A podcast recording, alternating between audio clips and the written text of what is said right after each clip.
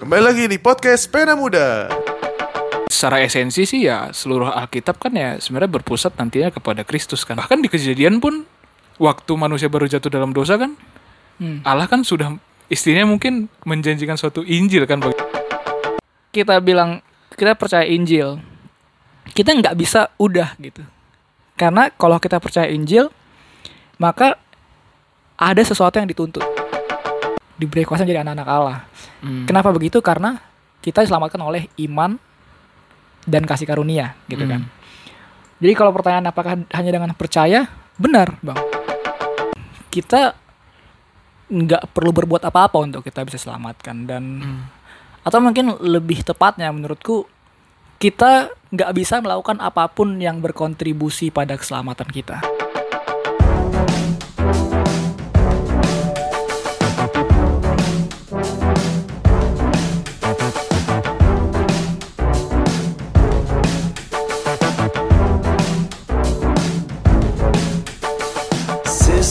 Systems of oppression fueled by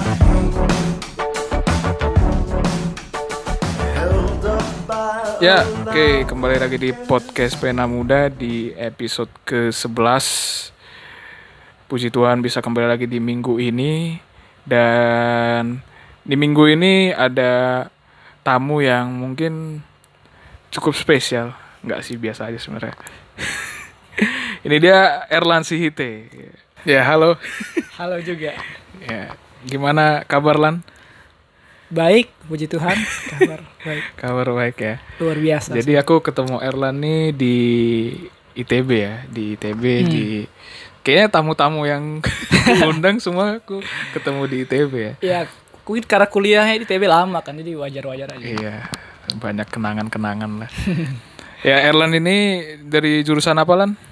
Aku matematika. Matematika angkatan 2000 Masuk 2014 ya. masuk 2014. Lulus tahun lalu. Jadi Erlan ini mungkin tamu pertama yang angkatannya di bawahku ya. Oh iya. yang lain udah ya seangkatan atau sepuh-sepuh lah. Sekarang lagi sibuk kerja ya di Jakarta ya. Iya, sibuk sih paling kerja, iya kerjaan dan karena aku juga di Jakarta baru jadi kesibukan-kesibukan lain sih sejauh ini belum ada. Hmm, Selama ya. ini kan di Bandung, kesibukannya mungkin di sana ketinggalan semua. Oh ya ya. Oke oke.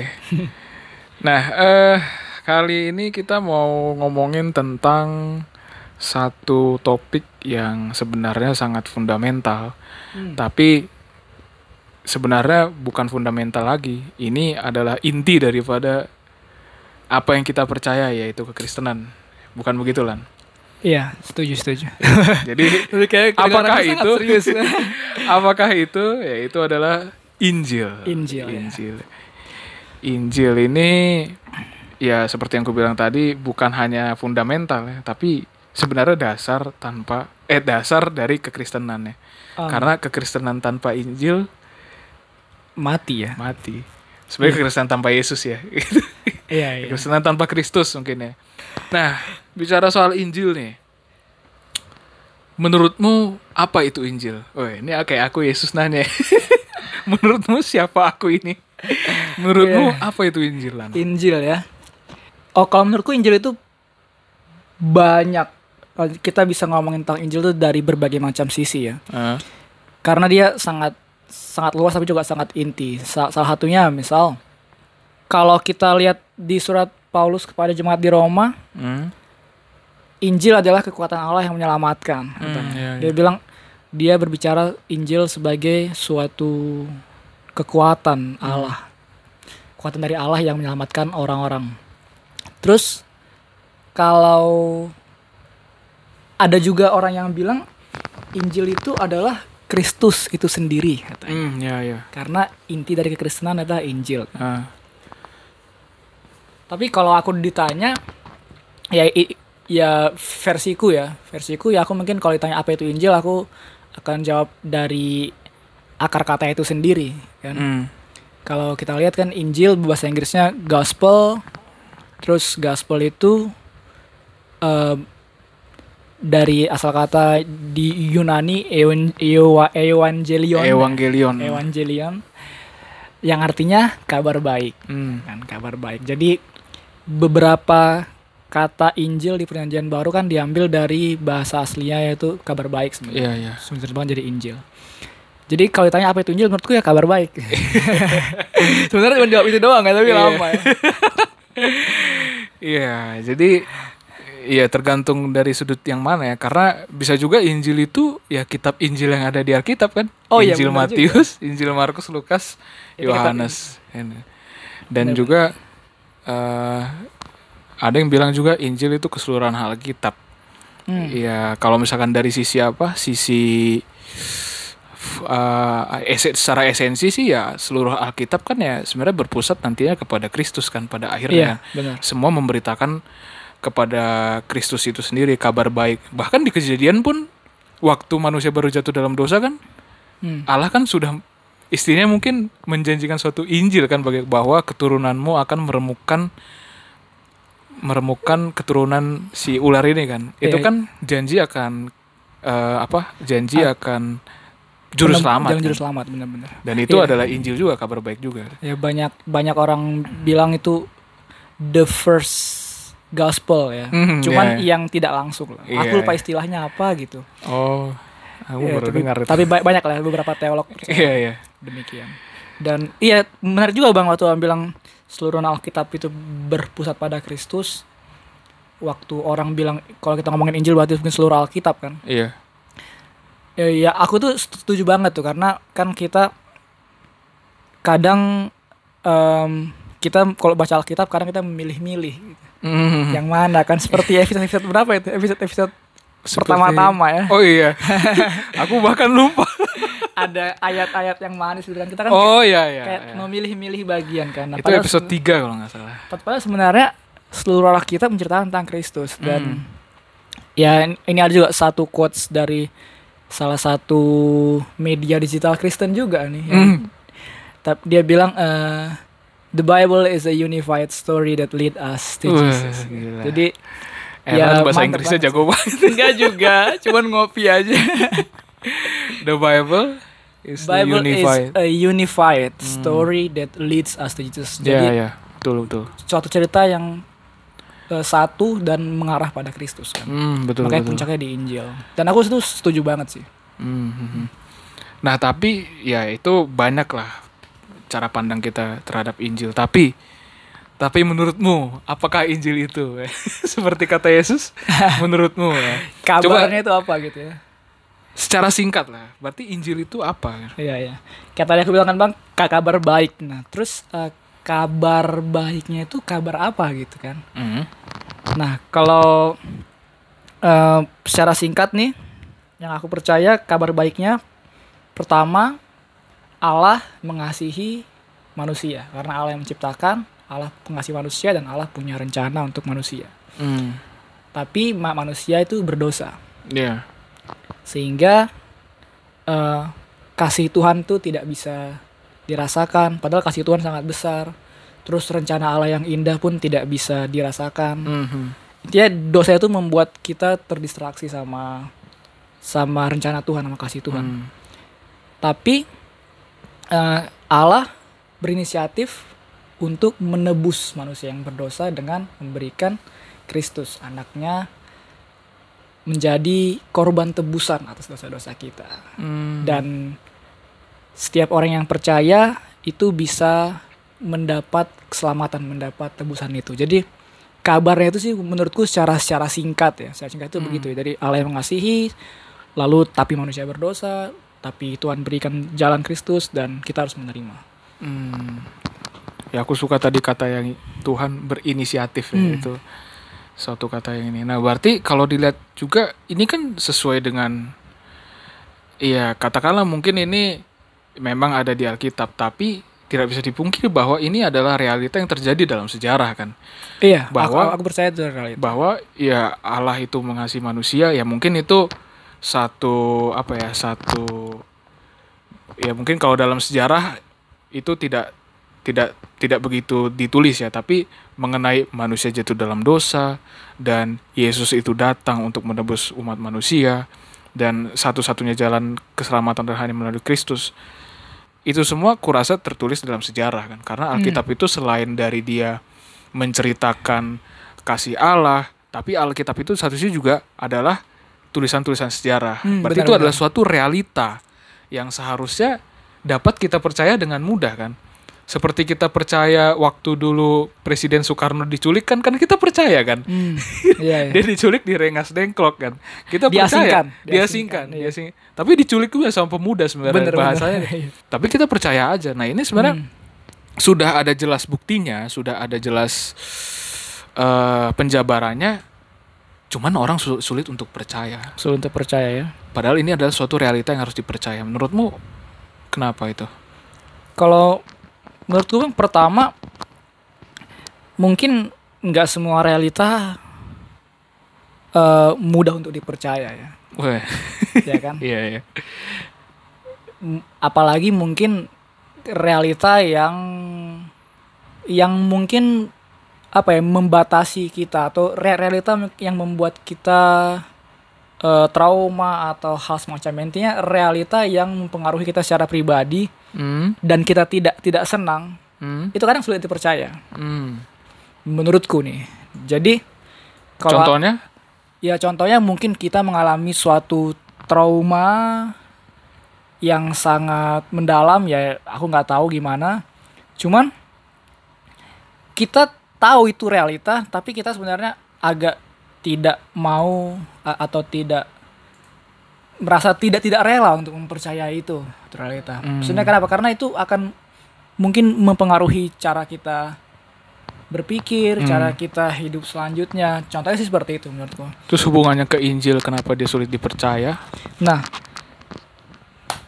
kalau menurutku kenapa Injil sulit dipercaya oleh sebagian orang ya? Maksudnya nggak nggak nggak semua orang juga. iya Karena kalau kita percaya Injil kita nggak bisa hanya oke aku percaya Injil dan udah gitu. Tidak Ah, tidak ada yang berubah. Seperti kita oke aku percaya apa contohnya apa ya? Oke, aku percaya eh zebra itu herbivora misal.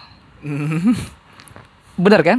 Bener kan? Iya. Zebra itu herbivora. eh iya ya Iya. sama kayak kuda kan Iya. kuda herbivora ya Iya, Dia makan tumbuh-tumbuhan kan. Ah, Aku percaya zebra itu nggak makan daging gitu misalnya. Dia Iya. bukan karnivora. Oke, itu kita percaya dan nggak ada pengaruh apa-apa sama, sama kita gitu.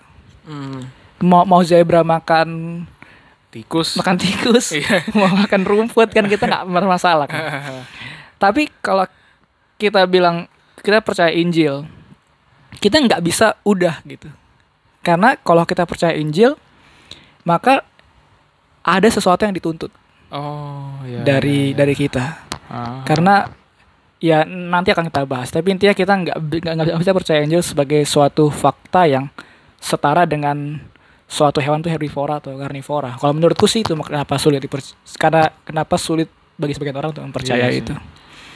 Kalau menurutku sih kenapa Injil itu terkadang bagi sebagian orang sulit untuk dipercaya karena ah, Injil itu seakan-akan bertentangan sih bisa dibilang dengan fakta yang atau bukan fakta dengan ah, pandangan yang sudah berakar di masyarakat sih bahwa kan kita tadi bilang bahwa satu-satunya jalan untuk kepada Allah itu hanya melalui Yesus Kristus, hanya melalui percaya kepada Yesus Kristus kan. Seperti yang dijelaskan tadi kan, apa itu Injil. Sementara yang kita tahu yang mungkin ada di masyarakat pemahaman kita sekarang bahwa untuk mencapai kepada Allah ya kita harus berbuat sesuatu, berbuat apa yang memang diperintahkan. Kalau kau misalkan harus berbuat baik ya kau harus berbuat itu kalau misalkan kau mau datang kepada Allah. Hmm. Sementara ya itu itu yang itu mungkin pandangan yang yang ada di di masyarakat luas. Oh, Sementara iya, iya. Injil itu sendiri berkata enggak bukan bukan perbuatanmu tapi hanya melalui engkau percaya kepada Kristus kan. Karena sesungguhnya kita sudah jatuh dalam dosa. Itu Hmm. yang mungkin membuat itu sulit dipercaya. Sulit diterima oleh banyak orang. Kenapa Injil itu sulit diterima oleh banyak orang sih? Oh ya berarti maksud abang eh, Injil tuh sulit sulit sulit untuk di- dipercaya atau sulit untuk diterima karena em, nilai-nilai yang diberikannya itu bertentangan dengan nilai-nilai yang selama ini mungkin kita sudah pegang gitu ya Hmm, atau ya. di eh, masyarakat di masyarakat sekitar berakar. secara umum ya Iya, iya. Ya, gitu. ya. Nah, setuju jadi kan perihal kayak kayak yang kau bilang tadi juga ketika kita percaya orang-orang nggak bisa menerima Injil itu karena itu menyangkut seluruh kehidupan kita. Iya. Kalau kita harus percaya karena itulah uh, maksud dari percaya itu ya kita harus ada sesuatu yang harus di ada sesuatu yang harus di apa ya bukan sekedar percaya tahu ya Oh, seperti yang kau bilang tadi. Yang kau bilang tadi juga banyak orang yang tidak bisa percaya kepada Injil karena orang-orang memahaminya ada yang harus diperbuat gitu.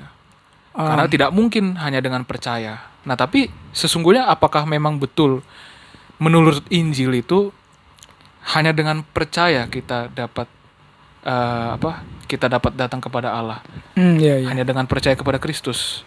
Ya ya kalau eh kita buka ayat Alkitab dulu lah kali ya. Oh, iya. Supaya Biar kelihatan pena muda supaya ya. kelihatan pena muda. Enggak ya, pe- pena tua yang buka. Berarti pena muda nggak buka Alkitab. Enggak juga. Iya, jadi Injil ya. Injil kekuatan Allah yang menyelamatkan dan tadi Abang bilang apakah dengan percaya berarti kita udah diselamatkan gitu kan. Nah, kalau kita lihat di di Efesus 2 Hmm. Efesus 2 ayat, ayat 8 sampai 9. Sebab karena kasih karunia kamu diselamatkan oleh iman, itu bukan hasil peker- usahamu tapi pemberian Allah. Itu bukan hasil pekerjaanmu, jangan ada orang yang memegahkan diri. Hmm. Nah, lalu itu dia bilang kan karena kasih karunia diselamatkan oleh iman. Dan di Yohanes 1 ayat ayat 12, Hmm.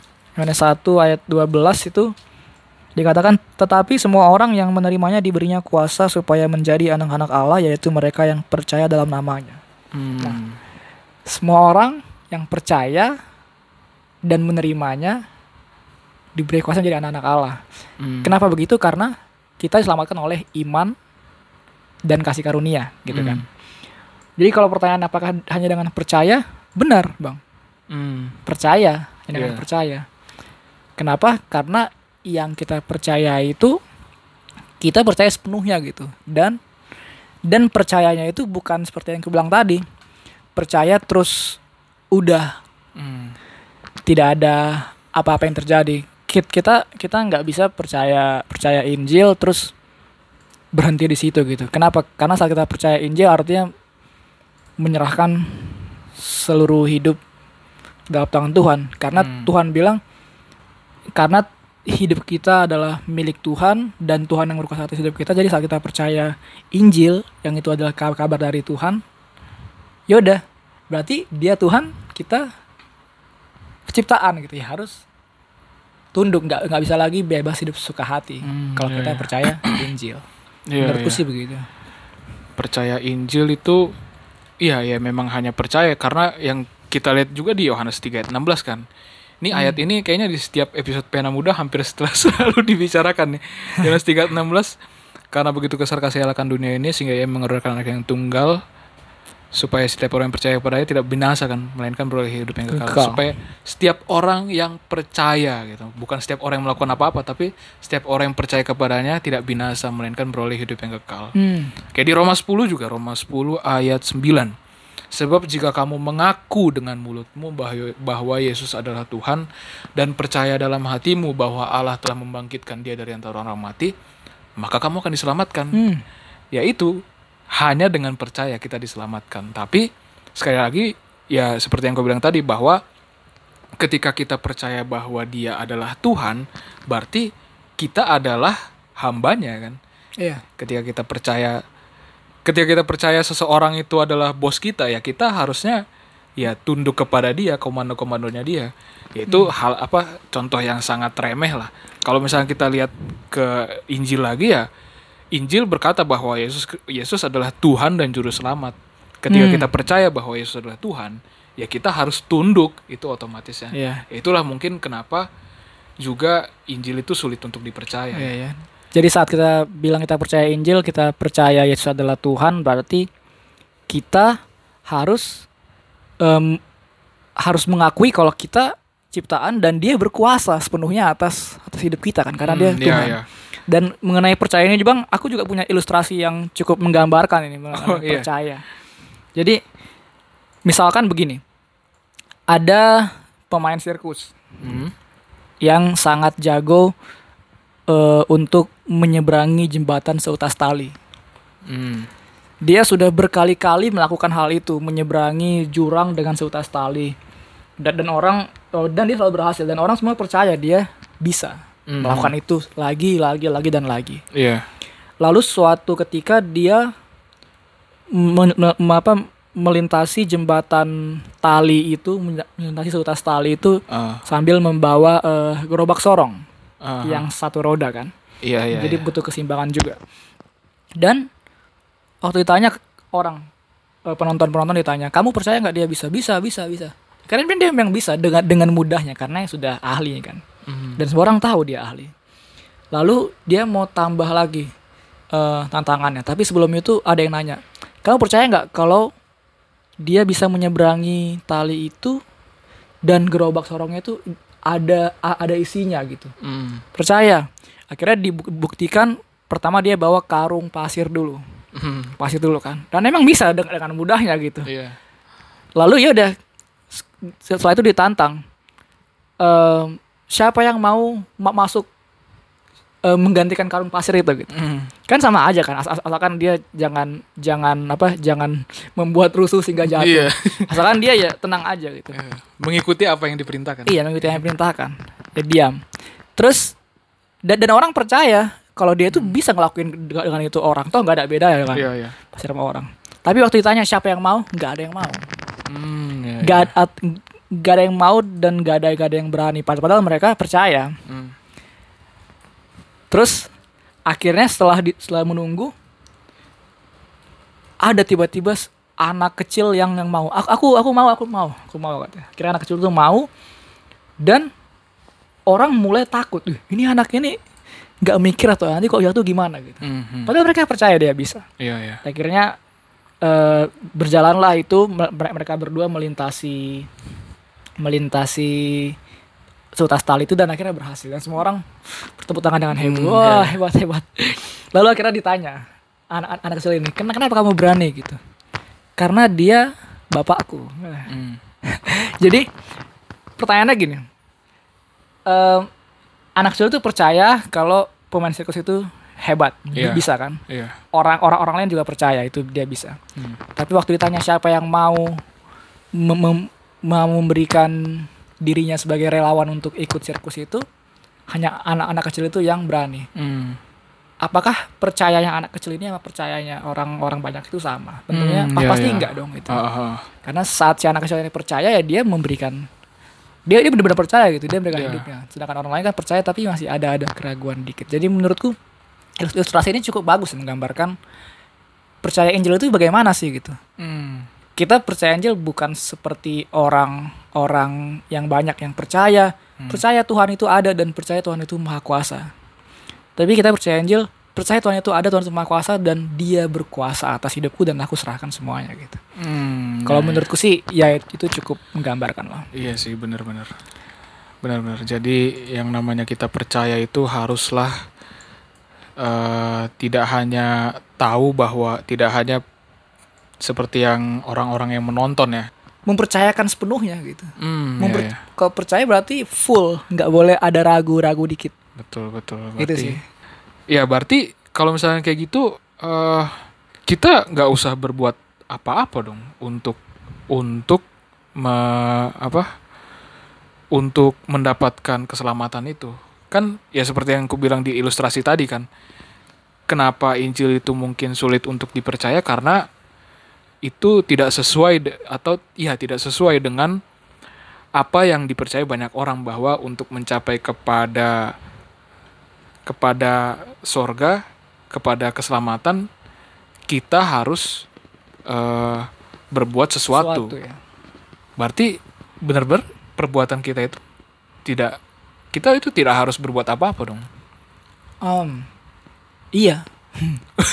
Jadi eh kalau abang bilang berarti kalau kita percaya Injil kita nggak perlu ngapa-ngapain kita sudah bisa beroleh keselamatan keselamatan dari Allah itu kan Iya, iya karena kalau yang kita lihat dari kepercayaan lain juga eh ya banyak kepercayaan secara lah. umum ya secara umum kepercayaan secara umum lah di dunia ini eh, ada satu pekerjaan yang harus dilakukan untuk mencapai katakanlah ya level tertinggi level tertinggi dari kehidupan ini. Iya iya Ada satu pekerjaan yang harus dikerjakan. Tapi kalau kita lihat kepada Injil ini, kita hanya harus percaya. Gitu. Jadi kita tidak usah berbuat apa-apa dong. iya iya iya benar-benar Eh, Bener apa? Iya bener gitu. Kita kita nggak nggak usah nggak usah kita nggak usah ngapa-ngapain. Kita Hah? percaya menyerahkan seluruh hidup kepada yang menciptakan kita, Mhm. yang memberikan keselamatan itu. Mhm. Ya ini ya kalau kita ngomongin level kalau le- level tertinggi itu mungkin kita di sini anggaplah keselamatan gitu. Dari ta- tahapan Surga lah ya. Iya, surga atau lebih umum orang bilang surga.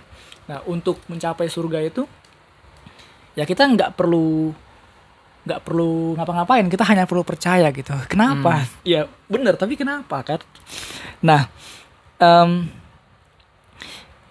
kalau di Alkitab tuh ada tertulis di Yesaya 64 ayat 6 ya. Mhm. Coba kita kita baca aja. Yesaya 64 Yesaya perjanjian lama kan ya. yang lama. Biar nggak biar nggak kaku. Bener ya. Orang-orang terkaget lah. Kok ini orang lupa ya saya di mana? ya saya 64 ayat 6 ya. Di situ dikatakan demikianlah kami sekalian seperti seorang najis dan segala kesalahan kami seperti kain kotor. Kami sekalian menjadi layu seperti daun dan kami lenyap oleh kejahatan kami seperti daun dilenyapkan oleh angin. Nah, yang mau ku highlight di situ adalah dikatakan bahwa segala kesalehan kami atau segala eh, usaha kami untuk melakukan yang baik itu seperti kain kotor di hadapan Tuhan. Oh. Nah ini ini mungkin kedengarannya eh, agak mengerikan gitu ya. Hmm. Tapi kalau kita pahami tentang tentang dosa dan tentang kekudusan Tuhan gitu, ini jadi sangat menurutku ini ini jadi sangat make sense sih. Kenapa? Karena Tuhan Maha Kudus dan kita sudah berdosa dan kita berusaha berbuat baik gitu. Hmm. Dan kita rasa perbuatan baik kita itu akan menghilangkan do- dosa kita. Padahal bagi Tuhan dosa itu sangat menjijikan kan. Jadi ya kita nggak bi- nggak bisa ngapa-ngapain gitu karena yang perbuatan baik kita pun adalah ya kain kotor. Iya, iya. itu. Jadi ilustrasi yang gitu. Kesalehan seperti kain kotor itu. Bahkan yang namanya kesalehan pun dipandang Allah. Kesalehan kita pun dipandang Allah seperti kain kotor.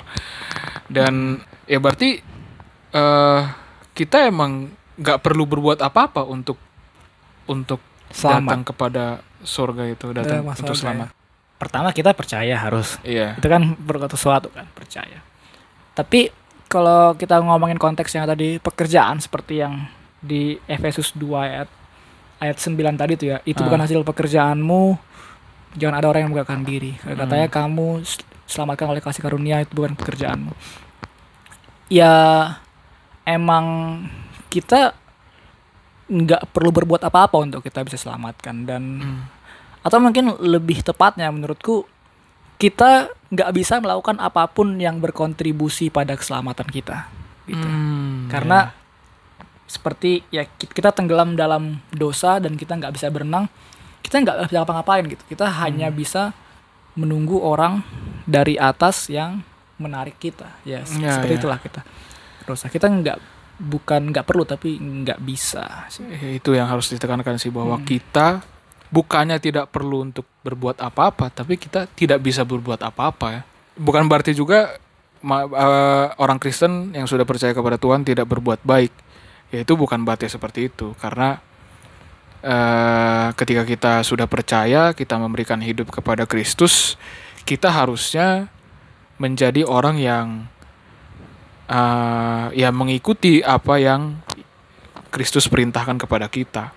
Hmm. Iya, Kristus adalah guru kita ya kita harus menjadi semakin serupa seperti sang guru. Ya itu sebenarnya dari Ya. inti perbuatan baik. Tapi kalau misalnya kita lihat ke perbuatan baik itu apakah dia dapat menyelamatkan? Tidak dapat karena memang tidak bisa. Kita bukannya tidak harus berbuat apa-apa tapi kita tidak bisa sih. Oh ya, btw itu poin yang menarik ya. Eh, abang menekankan saat kita bahas perbuatan baik tidak tidak bisa berkontribusi apa pun untuk keselamatan. Abang tekankan lagi bukan bukan berarti kita tidak harus berbuat baik gitu kan. Nah itu Iya. itu peng- pengingatan yang sangat baik. Kenapa? Karena kita membahas dua hal yang berbeda kan. Jadi ja- Hmm, supaya betul nanti betul.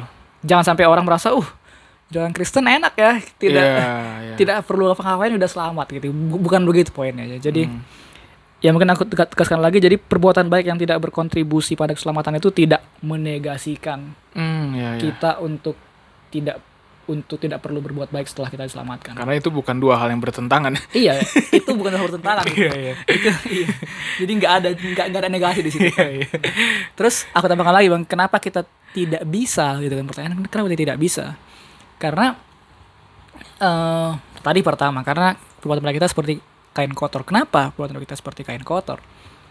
Karena Tuhan Maha Kudus dan tapi manusia berdosa dan yang bisa memberikan keselamatan atau yang bisa membawa orang ke sorga Hmm.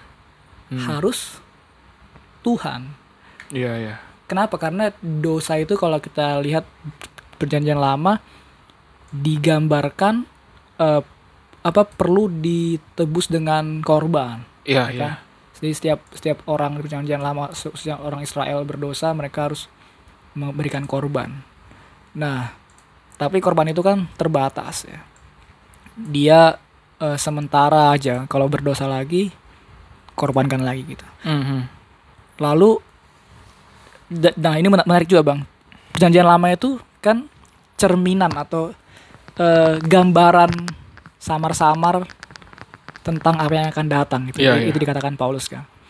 Dan korban itu adalah gambaran tentang yang akan datang yaitu kalau selama ini yang berkorban yang yang mempersembahkan korban adalah imam, sel- sekarang yang mempersembahkan korban adalah yang memberikan korban adalah Tuhan Hmm. dan korbannya korban yang sempurna Hmm. yaitu yang sempurna yang tidak berdosa sama sekali. Eh si- siapa yang nggak berdosa? Iya, Tuhan. Iya, iya. ya kan? Tuhan yang berkenasi jadi jadi manusia. Dan karena korban yang sempurna maka ya seluruh dosa umat manusia itu ditebus sekali untuk selama lamanya gitu. Mhm. jadi ya begitu menurutku. Karena kenapa kita tidak bisa berkontribusi apa pun? Karena Kristus hanya Kristus sih yang yang bisa Ya. menjadi korban tebusan atas dosa-dosa kita. Dan bicara perjanjian lama lagi juga ketika kita lihat di perjan di kejadian lagi Hmm, ya kita uh, flashback ke yang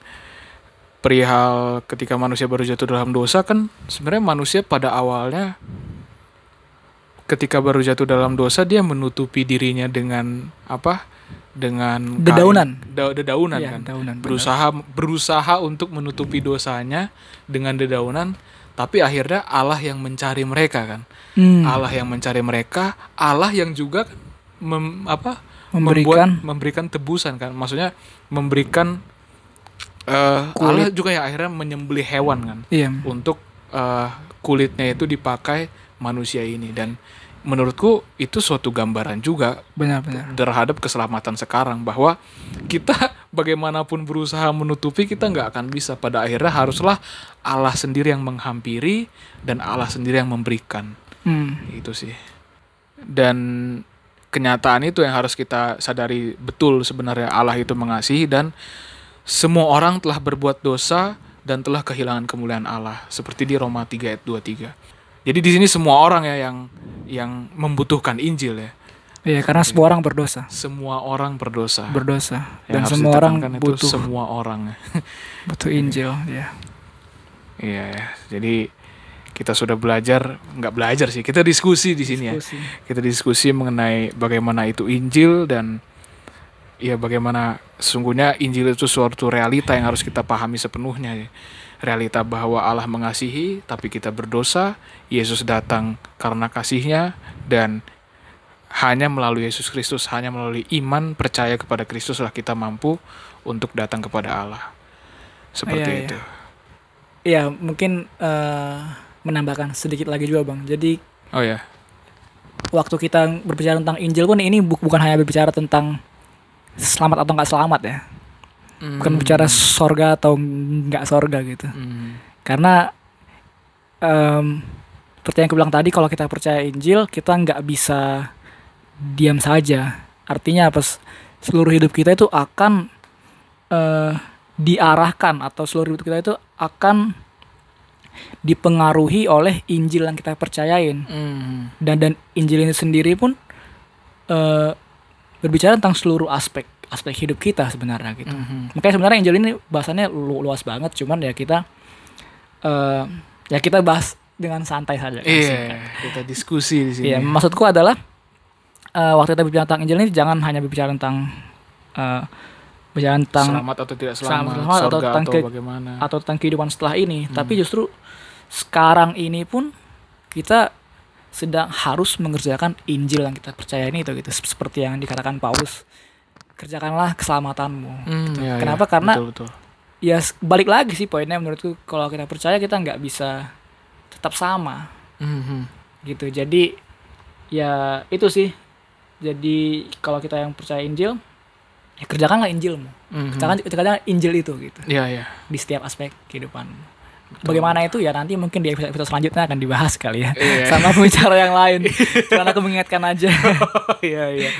Oke, oke. Ya jadi ya itu aja uh, untuk episode ini mengenai Injil yang adalah kekuatan Allah yang menyelamatkan dan itu dibutuhkan oleh kita semua orang yang berdosa. Semua orang karena semua orang telah berbuat dosa. Terima kasih Lan Sama-sama, untuk diskusi hari ini.